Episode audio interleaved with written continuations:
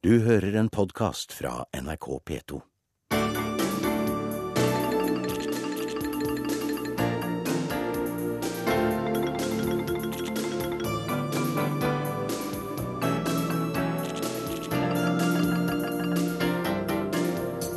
Hva skjer i Egypt i dag etter at 27 er drept i gatekamper?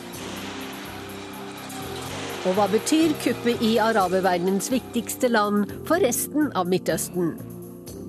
The journey time between Hangzhou and Nanjing has come down to one hour from the earlier two hours. Kineserne bygger ut lyntog, og tilgangen kan bli det nye skillet mellom fattig og rik. To barndomsvenner skifter lag. En ble statsminister i Norge, den andre kommunist i Sovjetunionen. Det er jo en illustrasjon på skjebner. Så gode venner som er veldig nære, og hadde tenkt at det skulle være hele livet. Og så tar historien tak i dem. Og Gry Blekassa Almås tar avskjed i sitt siste korrespondentbrev fra London. Teater har alltid vært en lidenskap. Gode historier fortalt på en måte som beveger. Og er det noe jeg har fått boltre meg i disse årene som korrespondent i Storbritannia, er det gode historier. Dette er Verden på lørdag. Vel møtt til denne utenrikstimen. Jeg heter Wenche Eriksen. Vi starter i Egypt, der Det muslimske brorskapet truer med nye og store demonstrasjoner for å få gjeninnsatt den avsatte presidenten Mohammed Morsi. Og egypterne frykter mer vold etter at 27 mennesker ble drept og 200 såret i uroligheter flere steder i landet i går og i natt. Vår reporter Jan Espen Kruse har vært ute i Kairos gater og loddet stemningen i formiddag. Ved fjernsynssenteret her i Kairo så står hærens pansrede personellkjøretøyer eh, rundt hele bygningen. Det er vel en sju-åtte eh, stykker av dem med soldater på toppen. Eh, de sitter klare bak maskingeværer. Det er helt klart at de er forberedt på nye sammenstøt, nye problemer. Det var altså her tilhengerne til Det muslimske brorskapet kom i går. Det var her urolighetene startet. Og gatene bærer fortsatt preg av det. Litt lenger her borte så står det et utbrent bilvrak. Eh, veiene, fortauene, er fulle av steiner som ble brukt til å, å kaste. Eh, det er eh, mye skitt rundt omkring. Det er søppel. Det er altså på sett og vis en slagmark midt i sentrum av denne kjempestore byen. Og De aller fleste jeg snakker med på gata her, de sier at de forventer nye problemer i løpet av dagen og kvelden og dagene som kommer. Uh, I fear the brotherhood from the clashes that happened yesterday to happen again this day, today and tomorrow. What could this lead to in the future? Uh, it may lead to a civil war if the army didn't stop these clashes. Jeg frykter at urolighetene i går kveld skal fortsette i dag og i dagene framover, sier denne damen. Hun mener at dersom ikke de militære klarer å stanse Det muslimske brorskapets protestaksjoner, så kan det føre til borgerkrig i Egypt. Alle brorskapets ledere bør arresteres for å stabilisere situasjonen, understreker hun.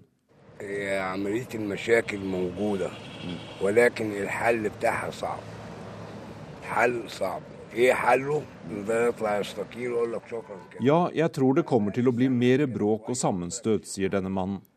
Etter hans mening er Mohammed Morsis tid forbi, og Det muslimske brorskapet bør øyeblikkelig stanse disse voldelige protestaksjonene. Men det er nok lite trolig at han får oppfylt sitt ønske, for i natt ble nestlederen i brorskapet arrestert av egyptiske myndigheter. Ja, Jan Espen Kruse, du er med oss direkte nå. I denne reportasjen din så hørte vi noe om hva folk eh, føler, frykter eh, om framtida i Egypt. Reelt sett, så hvor stor er faren for en ny dag med voldelige sammenstøt? Ja, Den er eh, ganske stor etter at eh, så mange ble drept. Det har kommet nye tall akkurat nå. 30 eh, mennesker mistet livet i går. og over 1000 mennesker ble skadd i uroligheter i mange forskjellige byer i Egypt. Så eh, det er helt eh, tydelig at eh, faren for, for hevnaksjoner, alt mulig kan skje akkurat nå. Disse nye høye tallene du kommer med, hva sier det om situasjonen i Egypt etter kuppet på onsdag? Ja, Det sier jo at eh, det muslimske brorskapet er eh, veldig sterke. Det er jo en slags maktdemonstrasjon de kommer med. De oppfordret til demonstrasjoner, eh, og det skjedde virkelig.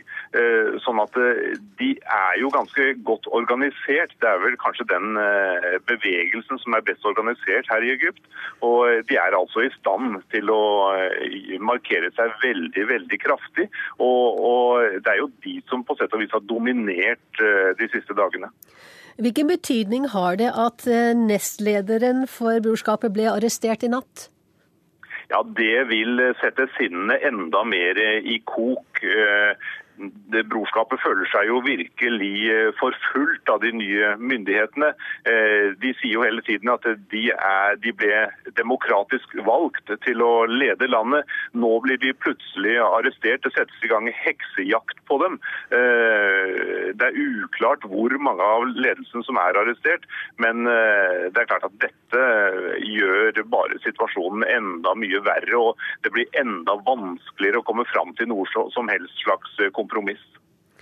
Hva gjør hæren under disse sammenstøtene som vi har sett de siste døgnene og de siste dagene? Griper den indirekte, eller spiller den en mer tilbaketrukket rolle? Ja, jeg var overrasket, veldig overrasket i går over at dette gateslaget med tusenvis av mennesker fikk utvikle seg i hvert fall halvannen time eh, før det dukket opp noe som helst av politi og soldater. Eh, og jeg på formiddagen så kjørte jeg rundt i det samme området. Da så jeg kolonner av pansrede kjøretøyer med soldater. Eh, sånn at de har vært like i nærheten, eh, men de grep altså ikke inn før etter halvannen time omtrent. Og Det tyder vel på at de er livredde for å eh, gripe inn så betent som situasjonen er nå. Er det ingen av lederne på noen av sidene som nå maner til ro og forsoning, eller blir splittelsene i Egypt bare dypere og dypere? Ja, det skjer jo begge deler. Noen ledere sier at vi vil ha fredelige demonstrasjoner, men samtidig så sier de at vi må være villige til å ofre blod uh, for å forsvare den avsatte presidenten, for å få han tilbake. Uh, på begge sider, også hæren, sier at de er klare til å dø på sine poster. Så uh, den retorikken er veldig sterk. og man, man forbereder befolkningen på at her kommer mange til å miste livet og mange til å bli skadd. Da sier vi takk til deg eh, foreløpig i denne omgang, eh, Jan Espen Kruse. Og med meg her i studio så har jeg Nils Burtensjøen, direktør ved Norsk senter for menneskerettigheter ved Universitetet i Oslo, og Midtøsten-ekspert. Eh, Burtensjøen, hva skjer nå innenfor den politiske alliansen som står bak dette kuppet? Ja, det er et av de veldig interessante spørsmålene. Fordi det som vi kan se nå, kanskje, selv om vi vet veldig lite selvfølgelig om hva som skjer bak kulissene her, men disse demonstrasjonene og det som vi ser akkurat nå, jo, kan jo ses på som en slags eh, oppløp til forhandlinger som eh, må komme. Eh, vi skal være klar over at Egypt, i motsetning til Syria, er jo en mye sterkere stat. Altså Egypt er langt på vei den eneste arabiske nasjonalstat med lange tradisjoner og med en sterk stat. Så, eh, og slik dette kuppet skjedde, med en så bred allianse av politiske aktører, inkludert de mest konservative religiøse i partiet Al-Noor, dette er en så bred allianse at eh, jeg tror at dette må eh, etter hvert finne sitt, sin, sitt utløp i, i, forhandlinger om en politisk løsning. Men det er klart det, hele, det kan gå helt ut av kontroll. Det kan bli en borgerkrig. Men jeg, min magefølelse er at det som skjer nå, er at det muslimske brorskapet naturlig nok må få utløp for frustrasjonene over, over kuppet. De mister en viktig maktposisjon. De hadde veldig store forventninger. Men, eh, og er nå ydmyket og må få den eh, utløpet for den frustrasjonen. Men det man kan håpe på, er at eh, når dette støvet har fått lagt seg litt, at, at man faktisk kan komme inn i forhandlinger i, i, i, forhold til denne såkalte veiplanen som det militære med støtte av alle de andre aktørene har presentert. Eh, som vi har nevnt, så er Egypt det største, mest folkerike, det viktigste landet i araberverdenen. Hvilke reaksjoner er det kommet fra andre arabiske land på de dramatiske begivenhetene som har skjedd her den siste uken? Altså Foreløpig er det ikke kommet veldig mange eh, reaksjoner, offisielle reaksjoner. Vi vet at Saudi-Arabia har gått ut og støttet kuppet, eh, helt klart. Det samme har eh, president eh, Abbas, den palestinske presidenten, eh, var kanskje aller først ute med å støtte kuppet. Vi har ikke Jeg har i hvert fall ikke sett offisielle uttalelser som veldig klart fordømmer kuppet. Så jeg tror nok at, at, veldig mange, i likhet med det vi ser i Vesten også, venter og ser litt på hvordan, nå, hvordan dette forløper videre. Uh, og det har jo sammenheng med måten dette kuppet skjedde på. At, at uh, hele det politiske miljøet, bortsett fra Det muslimske brorskapet, sto bak det som skjedde. Det går rykter om at utenlandske interesser har blandet seg inn i konflikten på begge sider. At Saudi-Arabia og Emiratene kanskje har bidratt med etterretning eh, og løfter om penger, mens islamistene fra andre land kommer til Egypt og, og roper ut og prøver å oppfordre til hellig krig. Er det grunn til å tro på disse ryktene? Ja, altså Noe er det i disse ryktene, men spørsmålet er jo hvor betydningsfullt eh, det vil være. Eh, jeg tror nok ikke det er avgjørende for det som, som skjer nå. Altså vi har to, Denne konflikten skjer jo nå på to plan. Det ene er på gateplanet, ved mobilisering av enorme folkemengder. Og det andre er jo altså da bak kulissene, hvor vi har de politiske aktørene som lurer på hva de skal gjøre, og Hæren. Så, eh, og jeg tror nok at Det som vi så i natt, var jo også at eh, da Det muslimske brorskapets folk eh, forsøkte å erobre den såkalte 6. oktober-broa, som skiller de to partene, så trakk de seg på et tidspunkt plutselig tilbake i ordnede rekker. Altså, det, ting tyder på at, at på tross av den enorme retorikken som vi hører, så, så, kan det nok hende at, at, det er mer kontroll over, over disse bevegelsene. Over, over, hvordan folk eh, opptrer. Er det kommet eh, reaksjoner fra Israel? Eh, nei, det eneste jeg har sett, er at eh, statsminister Netanyahu har understreket at han ser på Israel som det eneste demokratiet i regionen, og at det er viktigere enn noen gang å Eh, å støtte opp om dette demokratiet. Eh, eh, direkte kommentarer fra israelsk hold tror jeg ikke det er kommet. Hva betyr, hva betyr, det for Hamas at de Morsi og brorskapet er jo en, en støtte til Hamas i Gaza? Hva betyr det for dem, dette kuppet? Ja, det, det, har vi klart sett at dette er svært bekymringsfullt sett fra Hamas sin side, som jo er en del av den samme politiske bevegelsen som Det muslimske brorskapet i Egypt. Eh, og er å si den palestinske grenen av det muslimske brorskapet. Så dette er en veldig svekkelse av Hamas. Eh, og vi har også sett da fra den andre siden på palestinsk politikk at eh, de har nå sagt at vi håper at Gazas befolkning gjør et tilsvarende opprør mot Hamas-regjeringen der. Det vet vi ikke, men helt, helt opplagt er at, at dette er en, en, en, skikkelig nedtur for Hamas, fordi de jo også er så avhengig av kontakt med Egypt over, over, over grensen og under grensen. Um, kort til slutt, hva vil et ustabilt Egypt ha å si for andre land i Midtøsten i den nærmeste tiden? Altså Det som er interessant her, er jo at den konfliktlinjen vi ser i Egypt, den er ikke mellom eh, islamister og andre, primært.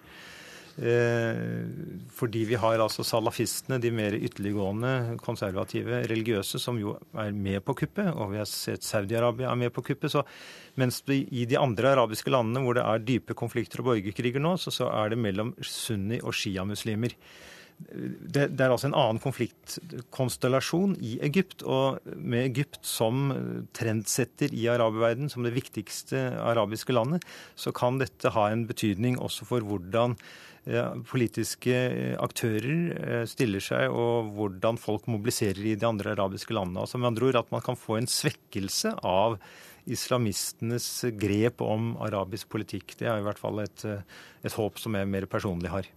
Takk skal du ha, Nils Buttensjøen. Statsledere verden over har denne uken hatt litt hodebry med å bestemme seg hva de skal mene om onsdagens kupp i Egypt, som vi sa. I Kairo har demonstranter protestert mot det de mener er USAs hyklerske forhold til de politiske prosessene i Egypt. Barack Obama har ikke tatt begrepet kupp i sin munn. Og symbolen for misnøyen mot USA har ikke vært Obama selv, men hans ambassadør, forteller reporter Stig Arild Pettersen. Tahrir-plassen sist søndag. Den enorme folkemobiliseringen som til slutt fikk hæren til å gripe inn og avsette president Morsi. Men det var ikke bare Morsi og Det muslimske brorskapet demonstrantene uttrykte sin misnøye med. Jeg har kommet hit for å fortelle Amerika og landene i Europa at den personen dere har valgt for oss, vil vi fjerne. Vi, det egyptiske folk, vil kvitte oss med Mohammed Morsi, sa denne demonstranten. Og blant alle plakatene av Morsis ansikt med et stort rødt kryss over, var det også plakater av et annet ansikt som hadde fått samme behandling av demonstrantene. Et mindre kjent, hvitt kvinneansikt. I have served in a, in a number of countries. I've been in the uh, American government and the American Foreign Service for almost 39 years. Uh, so I'm, I'm frankly thrilled to be here at Egypt during this time, important time in Egypt's history. Ann uh, Patterson er USAs ambassadør til Egypt. Tidligere tjenestegjorde karrierediplomaten i samme jobb i Pakistan. Der ble hun gjenstand for en Wikileaks-skandale, som avslørte hennes personlige syn på pakistansk politikk og omtale av landets politikere. WikiLeaks was a, was a frankly very unfortunate uh, disclosure det ble bl.a. avslørt at daværende opposisjonsleder og nåværende statsminister Nawaz Sharif gjentatte ganger omtalte sitt eget parti som pro-amerikansk overfor Patterson. Da Hosni Mubarak falt i 2011, sendte president Obama Ann Patterson til Egypt. Der ble jobben å pleie forholdet til det nye lederskapet det muslimske brorskapet. I mean, I mean, after, after of, of autocratic government, Egypt's moved into sort of uncharted territory. But I'm convinced the Egyptian people uh, who have made this revolution, who want democracy, who want, who want jobs and a better future, I'm, I'm convinced they'll prevail. Og ifølge mange ble forholdet litt for tett. For da protestbevegelsen Tamarod forberedte sist søndags massedemonstrasjon mot Morsi, holdt ambassadør Patterson en tale. Og det var denne som førte til at navnet hennes ble et skjellsord på Tahrir-plassen. Jeg mener at det ikke finnes noen tvil om denne regjeringens folkevalgte natur, sa Patterson, og la til at hun var dypt skeptisk til om gateprotester ville føre til et bedre utfall enn. På Tahrir-plassen og blant mange i Egypts nye lederskap blir Patterson dermed sett på som en støttespiller av Morsi og hans regime. Et regime som etter kuppet ligger nede med brukken rygg. Men det er flere grunner til at Patterson har blitt så upopulær. Barack Obama har vært svært forsiktig med å involvere seg for mye i Egypt. Til det er fallgruvene altfor mange for en amerikansk president. Dermed har ambassadør Patterson vært amerikanernes ansikt utad, og representanten for en nasjon som har vanskelig for å gjøre noen av sidene i den politiske striden til. I think there's been sort of an unfortunate cast on this in political terms because we never support individual political parties. Never support individual political parties.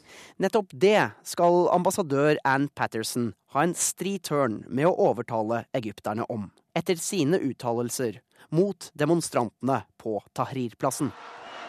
Og da spørs det hvor lenge Patterson blir sittende i Kairo, nå som Egypt har fått et nytt politisk lederskap.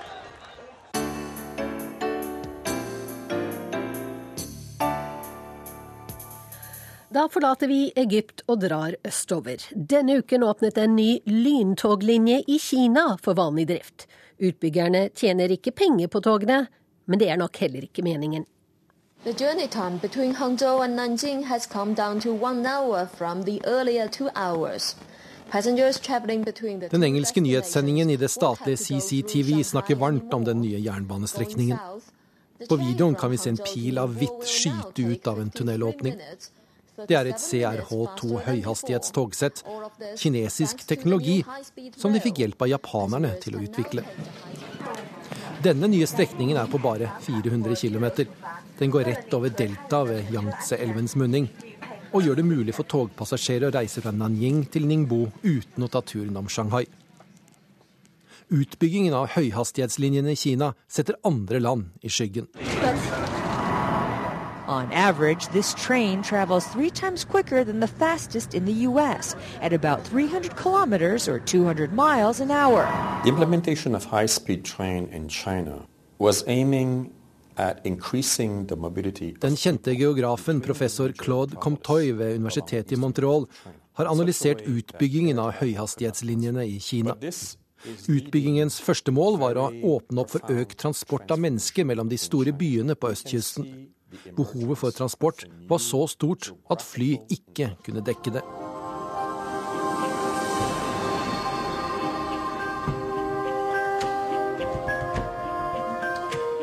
På nettet ligger det videoer der kineserne feirer seg selv og sine høyhastighetstog.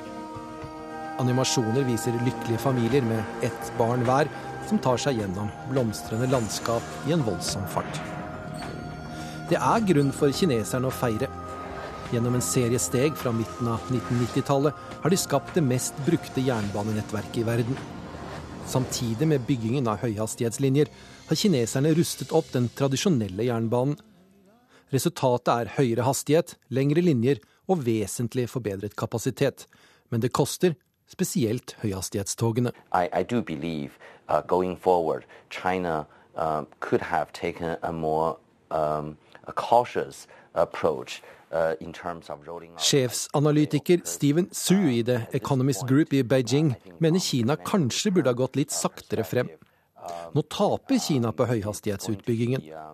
Finanskostnadene og driftskostnadene overstiger inntektene med god margin. Noen linjer nærmer seg å være lønnsomme, og passasjerveksten kan tyde på at staten som har lånt utbyggingspengene til seg selv, også vil få pengene tilbake på et tidspunkt. Men dersom dette skulle være uklart for noen, høyhastighetsutbyggingen handler om mye mer enn penger.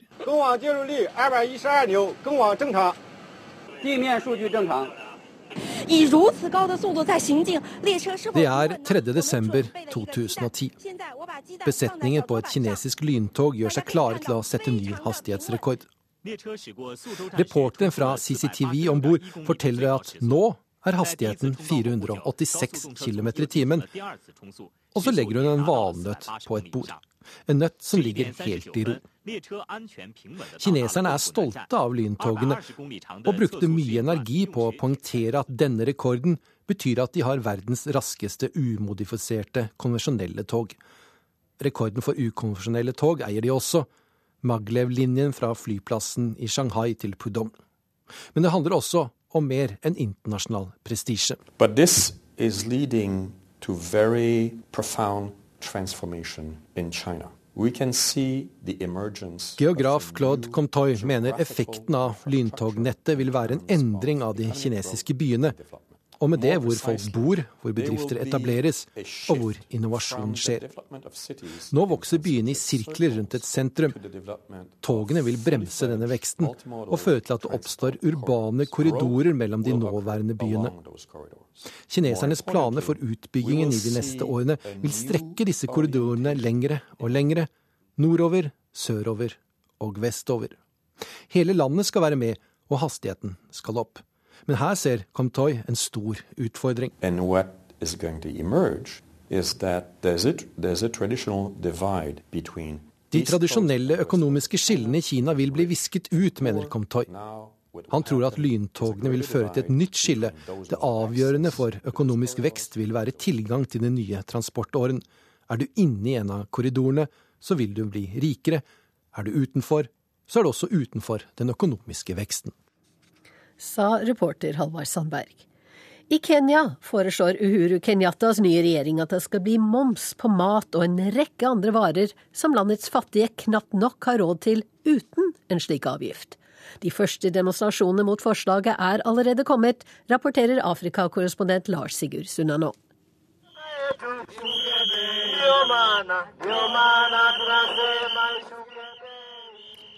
i protest på vei mot parlamentet i Nairobi.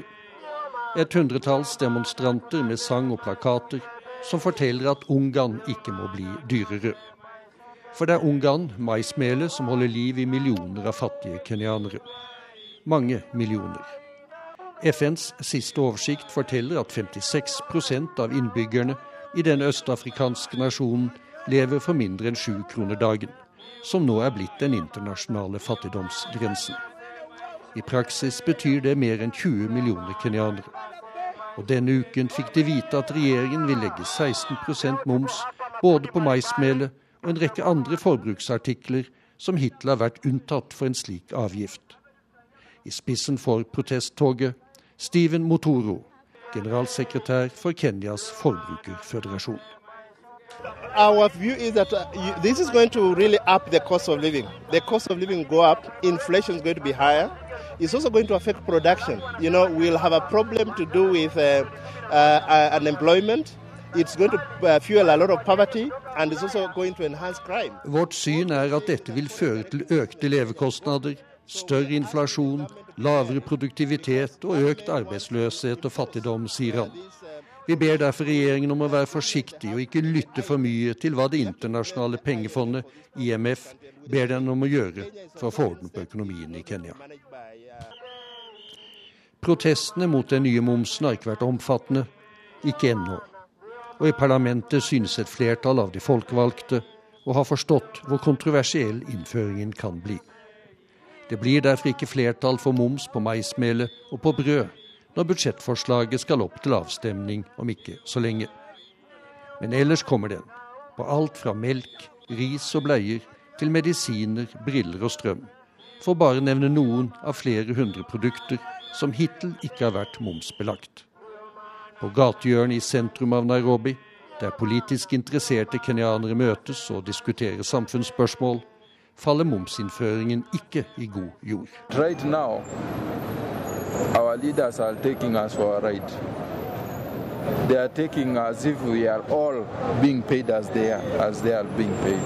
That's why they want to get the money for the for their own benefit.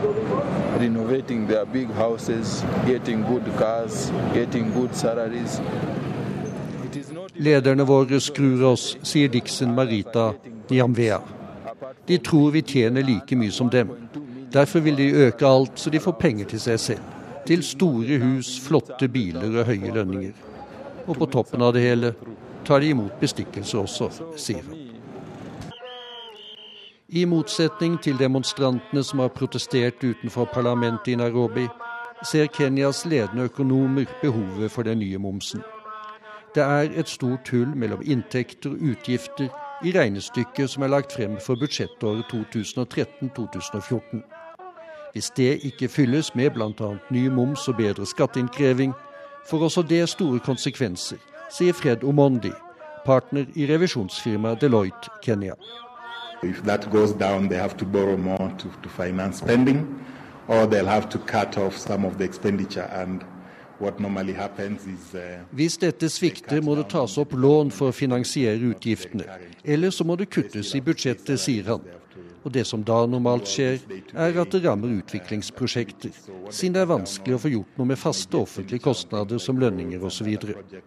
Dermed kan det gå ut over veibygging og annen infrastruktur, bedre skoler og helsestell. Prosjekter som vi virkelig trenger dersom Kenya skal gå videre fremover, påpeker Fred Omondi.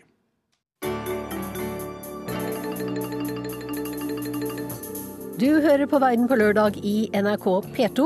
Bli med oss videre til Russland, Tyskland, Malawi og til London, der Gry Blekastad Almås tar farvel i korrespondentbrevet.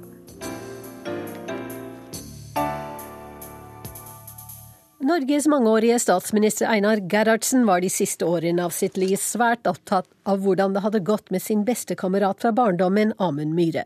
I 1923 skiltes nemlig deres veier da Myhre flyttet til Moskva og Sovjetunionen. Der har nå vår medarbeider Morten Jentoft, sammen med Einar Gerhardsens sønn Rune, sett nærmere på forholdet mellom vennene. Ja, sant. Og så her er også et brev, da, eller en slags sånn beskrivelse, en selvbiografi av Amund Myhre. Og som han har skrevet selv, Som ja. han har skrevet selv, ja. Akkurat en slags selvanbefaling. De er ikke så mange, dokumentene som ligger i sak 6851 i det statlige russiske arkivet for sosialpolitisk historie, og som jeg blar gjennom sammen med Rune Gerhardsen.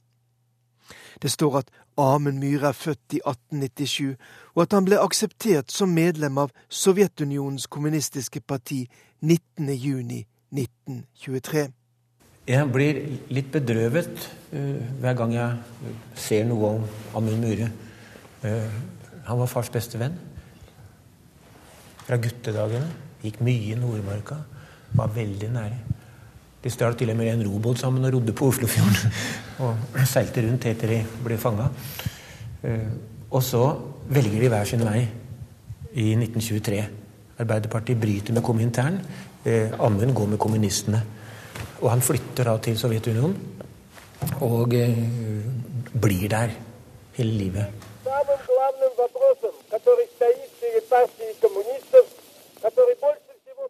Revolusjonen i Russland i 1917, ledet av denne mannen, Vladimir Ilitsj Ulyanov, bedre kjent som Lenin, skapte sjokkbølger og gjengklang over store deler av Europa, også i Norge. I det daværende Kristiania var ungguttene Einar Gerhardsen og Amund Myhre blant dem som gikk rundt med et håp om at det var mulig å forandre verden, og komme seg ut av den fattigdommen som store deler av befolkningen levde under. Det var tysk som var språket, ja. Tysk var språket, vet du. Ja, det var det. Ja. Mange av dokumentene, bl.a. anbefalingsbrev fra kjente medlemmer av arbeiderbevegelsen som Alfred Trønsdal og Olaf Schjeflo, er skrevet på tysk, som var hovedspråket til den kommunistiske internasjonale Komintern på denne tiden. Det var jo de årene da en hadde nokså sterke indre brytninger. Eh, Det var etter en russisk revolusjon. Eh, Det var eh, Einar Gerhardsen, senere mangeårig statsminister i Norge, var i Moskva i 1920, på den andre kongressen til Komintern. Hjemme i Norge var Amund Myhre engasjert bl.a. i streike- og militærnekteraksjoner. Det gjorde naturligvis at eh, slike sammenkomster som det vi hadde her også For Einar Gerhardsen var dette en periode han stadig kom tilbake til. Etter at han i 1965 gikk av som statsminister, ble han også opptatt av hvordan det hadde gått med sin beste barndomsvenn Amund Myhre, som i 1923 altså hadde valgt å forlate Norge for å bosette seg i verdens første sosialiststat, Sovjet-Russland. Eh, Far sendte ham nemlig bøkene sine. Og eh, tenkte at han ville ha glede av å lese i dem. Og så skriver han her Takk for bøkene som jeg fikk så uventet i år. Tillat meg å si at disse bøkene ikke har noen videre verdi for meg. Og så avslutter han med at 'jeg skammer meg over dere'. Og det var veldig vondt for far. Hvordan var det vondt for far? Hvordan, hva sa han om det? Vet du hva han sa? Han sa 'jeg skjønner at han er redd'. Var redd for overvåkningsregimet, og det for en, for en vanlig russer, han var jo blitt russisk statsborger, å ha kontakt med sosialdemokrater i et vestlig land, og til og med en statsminister, det kunne være skummelt, og han kunne bli satt under overvåkning og represalier og hva det kunne være. Så sier far at han må da av og til tenke over tenke på turen i Nordmarka. Og så tenker far at han gjør nok det. Men han turte aldri å møte meg.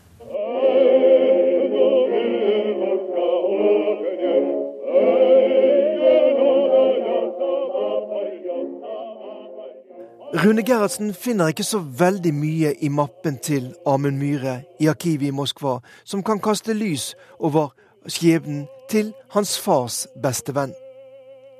Men det er flere dokumenter fra 1936 der de sovjetiske myndighetene stiller spørsmål om hvordan en utlending så lett kunne bli medlem av Sovjetunionens kommunistiske parti.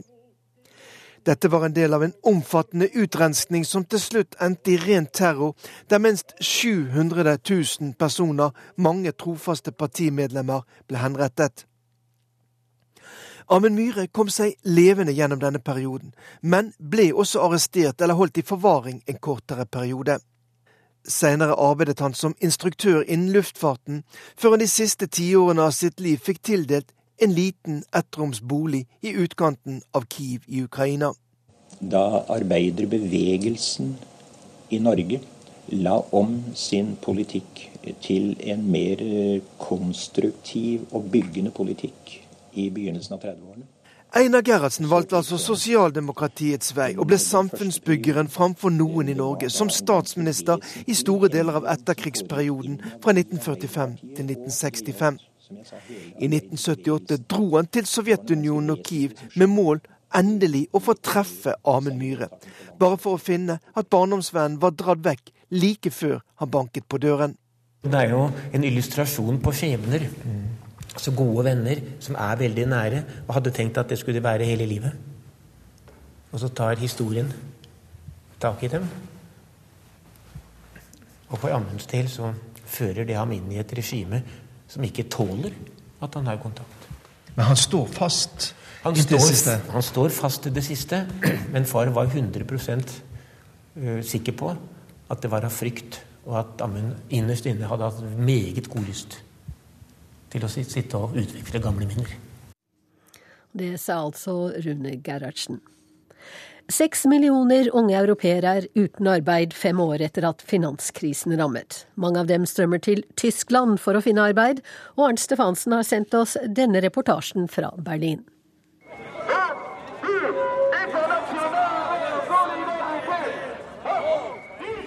Internasjonal solidaritet er slagordet når et tusentall unge europeere demonstrerer sammen med tyske fagorganiserte her i Berlin. De er kommet fra Italia, Spania, Hellas og Portugal. De er unge og sinte og uten arbeid, og de vil markere sin misnøye med EUs krisepolitikk. Mange av demonstrantene kommer fra Spania, der nærmere 60% av alle arbeidssøkende under 25 år nå er uten jobb. Jeg er nettopp kommet til Berlin og håper å kunne finne arbeid her, sier den 24 år gamle Miguel Sanz fra Sevilla. Jeg er utdannet dataingeniør, men har ingen mulighet til å finne jobb hjemme i Spania. Den siste tiden har jeg uten hell prøvd å skaffe arbeid i London, og er nå i gang med å søke jobber her i Tyskland.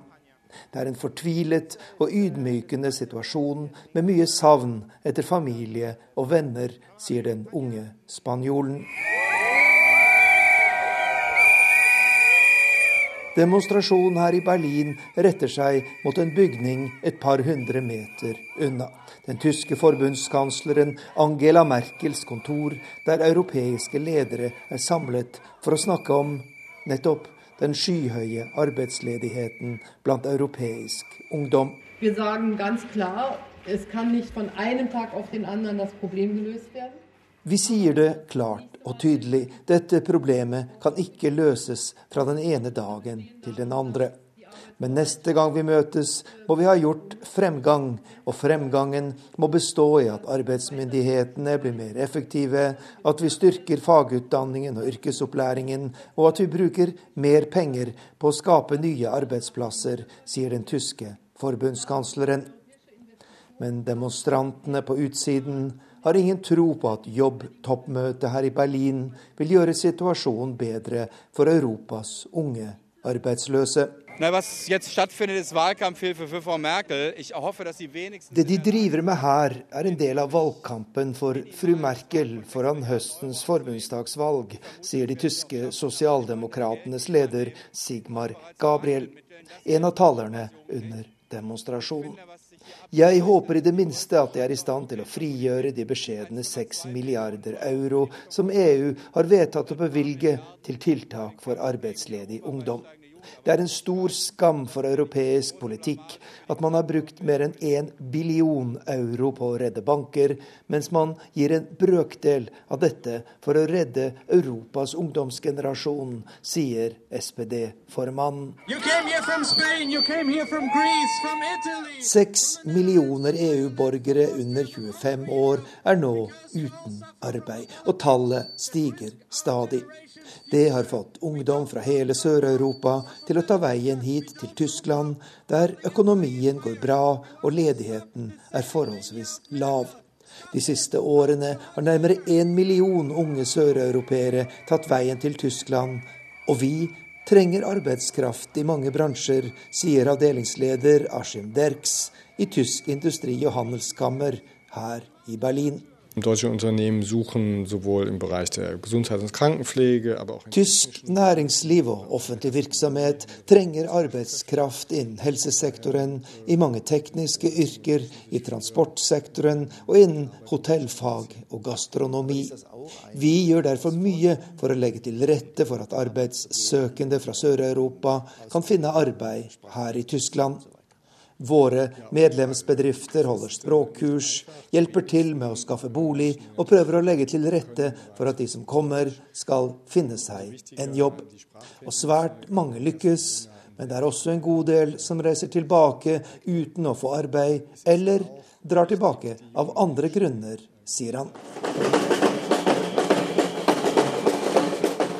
En tapt generasjon står det på en av transparentene under demonstrasjonen her i Berlin denne uken. Millioner av unge europeere står uten jobb og fremtid, og selv om temaet står øverst på den europeiske dagsordenen, er det ingen utsikter til bedring.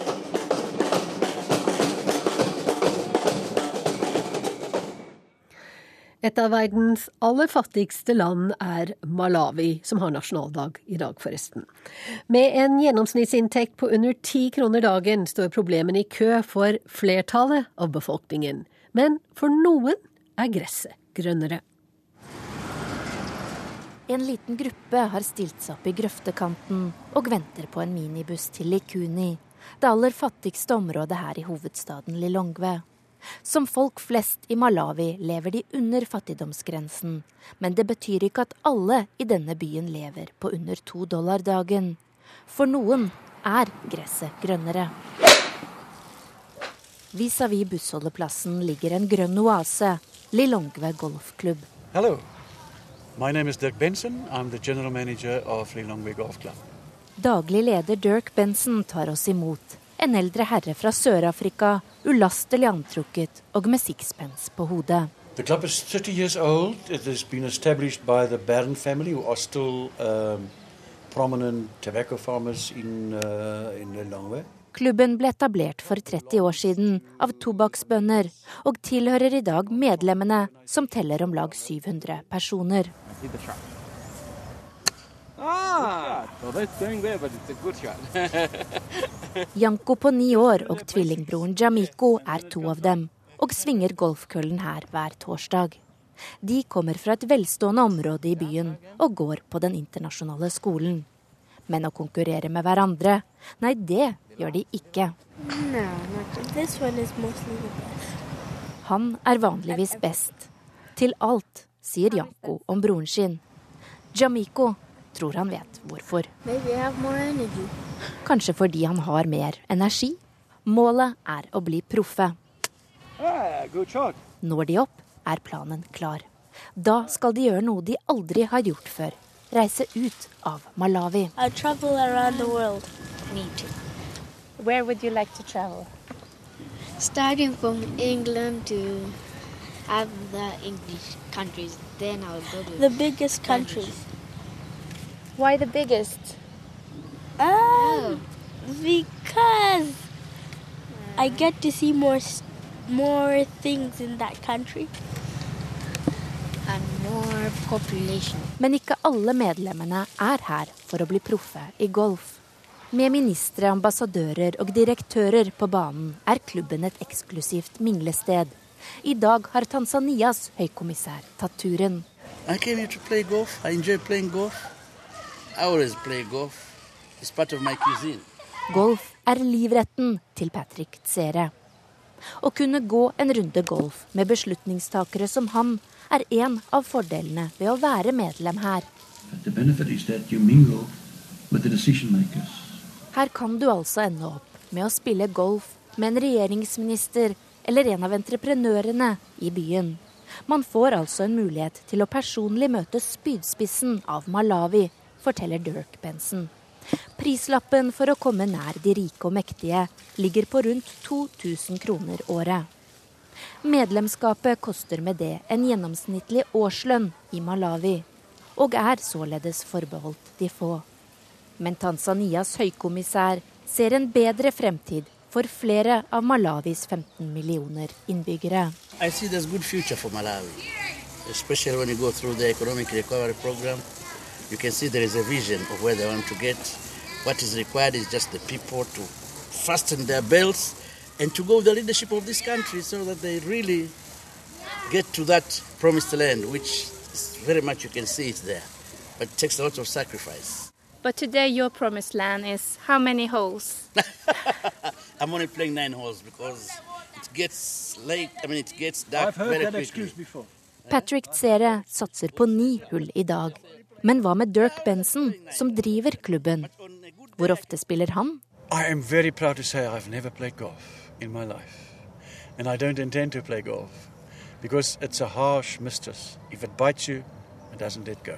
Jeg er veldig stolt av å kunne si at jeg aldri har spilt golf i mitt liv. Og jeg kommer aldri til å spille. For det er en tøff elskerinne. Blir du bitt, slipper den aldri tak. Jeg vil bare drive klubben, avslører Dirk Benson til slutt. Og barna som Charlotte Bergloff eh, intervjuet i Malawi, ønsket seg til England, og dit skal vi nå. Det begynte med kongelig kjærlighet og ender med kongelig fødsel, men derimellom har det vært mange historiske øyeblikk, opplevelser og refleksjoner for Gry Blekas Almås. Om få dager avrunder hun sin mer enn tre år lange korrespondentperiode i London. Ukas korrespondentbrev er hennes avskjed med Storbritannia. Jeg så prins William! Jentungen kunne nesten ikke stå stille. Hun var yr av overbegeistring. Og klassekameratene stimet sammen rundt henne. Hæ? Hvor? Når? Her? Nå? Hvorfor det? Er det mulig? Det var en fredag morgen. Åtteåringene samlet seg i skolegården for å ta fatt på ukas siste skoledag. Og Ellie hadde altså allerede hatt dagens store opplevelse. Selveste prins William hadde kjørt rett forbi henne med all politieskorte og nødvendig oppstyr. Han skulle sannsynligvis bare til flyplassen, men likevel. En stor hendelse i en britisk åtteårings liv. Og for moren hennes også, forresten. Hun var nesten like ivrig. Både mor og datter sto og trippet av begeistring. Men spør du dem om de er opptatt av kongehuset, fnyser de. Dette var nemlig langt fra mitt første møte med britenes forhold til The Firm, altså kongehuset, som snarere bør kalles dronninghuset. Hele min nå drøyt treårige korrespondentperiode har vært en reise i historiske, monarkiske hendelser. Min første kongelige rapport hjem til Norge tvang seg fram i juni 2010.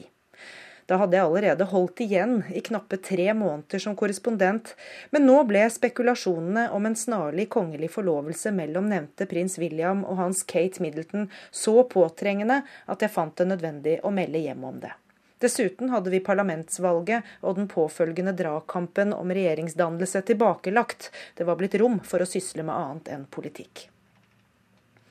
Spekulasjoner ble til fakta samme høst, da dønningen etter brødrekampen om ledervervet i Labour bare så vidt hadde lagt seg. Dianas ring strålte fra Kates finger, og britene fikk høre stemmen hennes for aller første gang. Da skjønte jeg at jeg skulle få en begivenhetsrik korrespondentperiode sett med rojale øyne. Et ekte britisk prinsebryllup er ikke unnagjort i en fei. I månedene fram til bryllupet i april 2011 måtte jeg fare med harelabb over mindre viktige ting som at Irland var i dyp økonomisk krise og gikk inn i en ny emigrasjonsbølge, eller at Wikileaks-gründer Julian Assange ble arrestert og skapte diplomatisk trøbbel for en hel verden. Nei, jeg hadde viktigere ting å rapportere hjem om. Som hvordan arrangere det perfekte bryllup for forbrukerinspektørene. Innblikk i usmakelige bryllupssuvenirer for Nitimen. Er mediedekningen av bryllupet for stort? For Kulturnytt. Følg i prins Williams fotspor gjennom London. Det var Verden på lørdag. Og noen saker om økonomi og sikkerhet til nyhetssendingene. Og ennå var de ikke gift. Hele den britiske nasjonen sto på hodet, og det samme gjentok seg året etter, da dronning Elisabeth feiret sitt diamantjubileum i juni 2012. Når britene skal servere all den pomp og prakt de er så gode på, følger aviser og TV-sendinger opp med månedsvis av oppkjøring. Man kan lett få inntrykk av at britene ikke er opptatt av annet. Men de jeg snakker med i min hverdag, bryr seg lite. De bruker ikke de ekstra fridagene som følger slike begivenheter, til å heise Union Jack og hylle monarkiet. De reiser vekk med familien, tar en langhelg, kanskje de benytter anledningen til en ekstra fest, men verken for dronningen eller prins Williams skyld. Holdningen er at det er media som hauser opp, folk flest bryr seg lite. Men når prinsen kjører gjennom nabolaget deres, er det likevel så stas at de ikke klarer å stå stille. Prinsen kjørte ikke gjennom den gata som har vært mitt hjem i over tre år. Men min gate var dronningmorens favorittgate hver vår. Når alleen med kirsebærtrær står i full blomst sine få dager i april, er det noe av det vakreste London har å by på. I disse kretser er det allmennkunnskap at dronningmoren valgte ruta om Staveley Road på vei fra Windsor Castle til Buckingham Palace hver vår for å få med seg dette underverket. Og dronningen har visstnok fulgt opp tradisjonen. Selv har jeg ikke sett dronningen på disse trakter. Sønnen min så henne fra bussen hjem fra skolen en dag, men jeg har bare truffet hennes høyhet i andre sammenhenger. Først i Irland, rett etter overstått bryllupsfeiring i London. Dronning Elisabeth 2. gjorde noe ingen annen britisk monark har gjort før henne. Hun reiste på offisielt besøk til republikken Irland. Et symboltungt besøk i forsoningens tegn.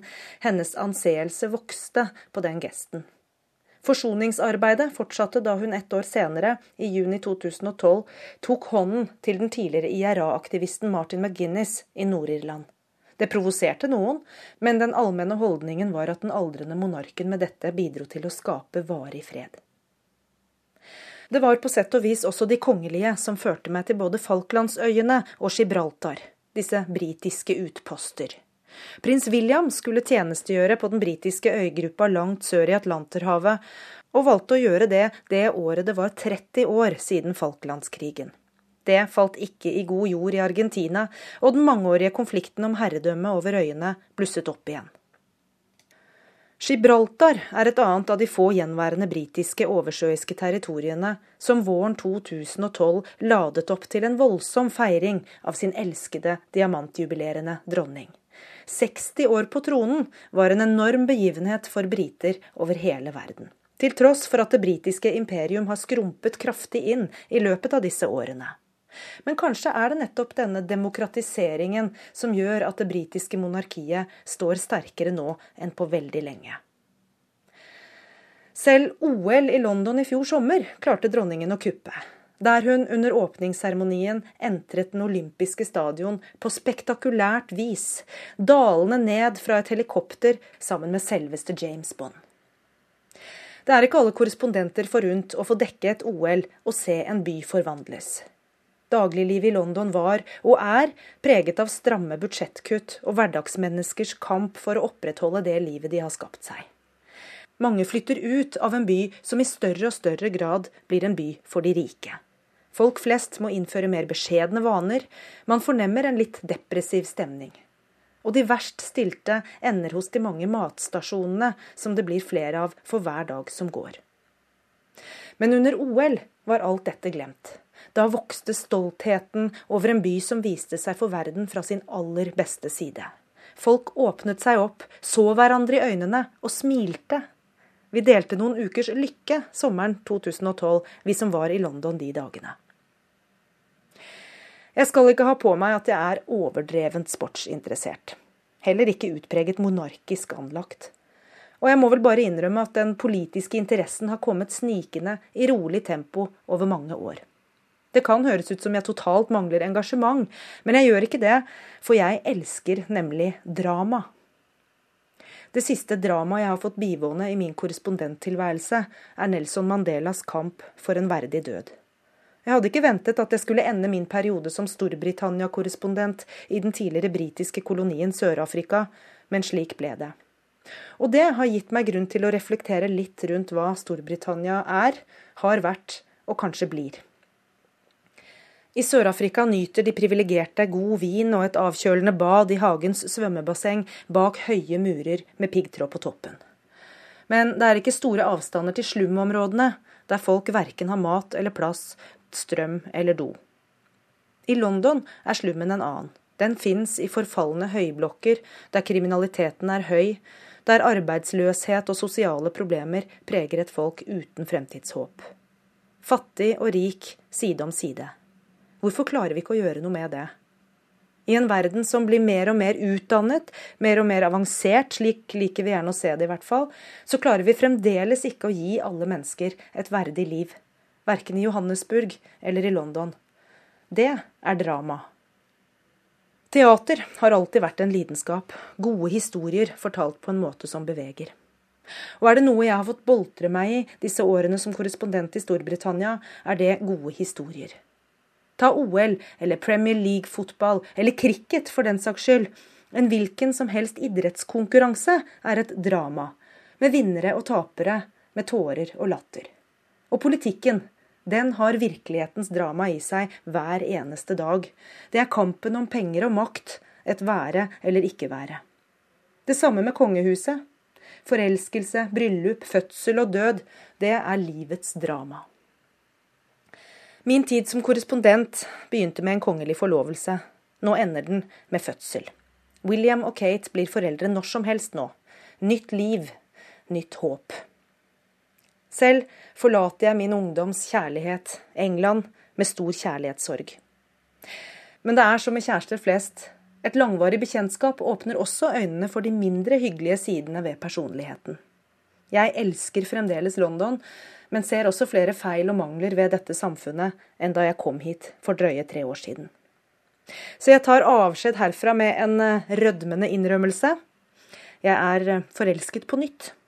Jeg er åpen for en ny kjærlighet. Nå er jeg klar for Norge. Og det sa altså Gry Blekasa Almås. På nrk.no kan du se utvalgte bilder fra hennes fotoalbum, som oppsummerer noe av det hun har rapportert om i løpet av disse tre årene. Og det var Verden på lørdag. Teknisk ansvarlig Beate Haugtrø, skript Anna Holm Heide, og her i studio satt Wenche Eriksen.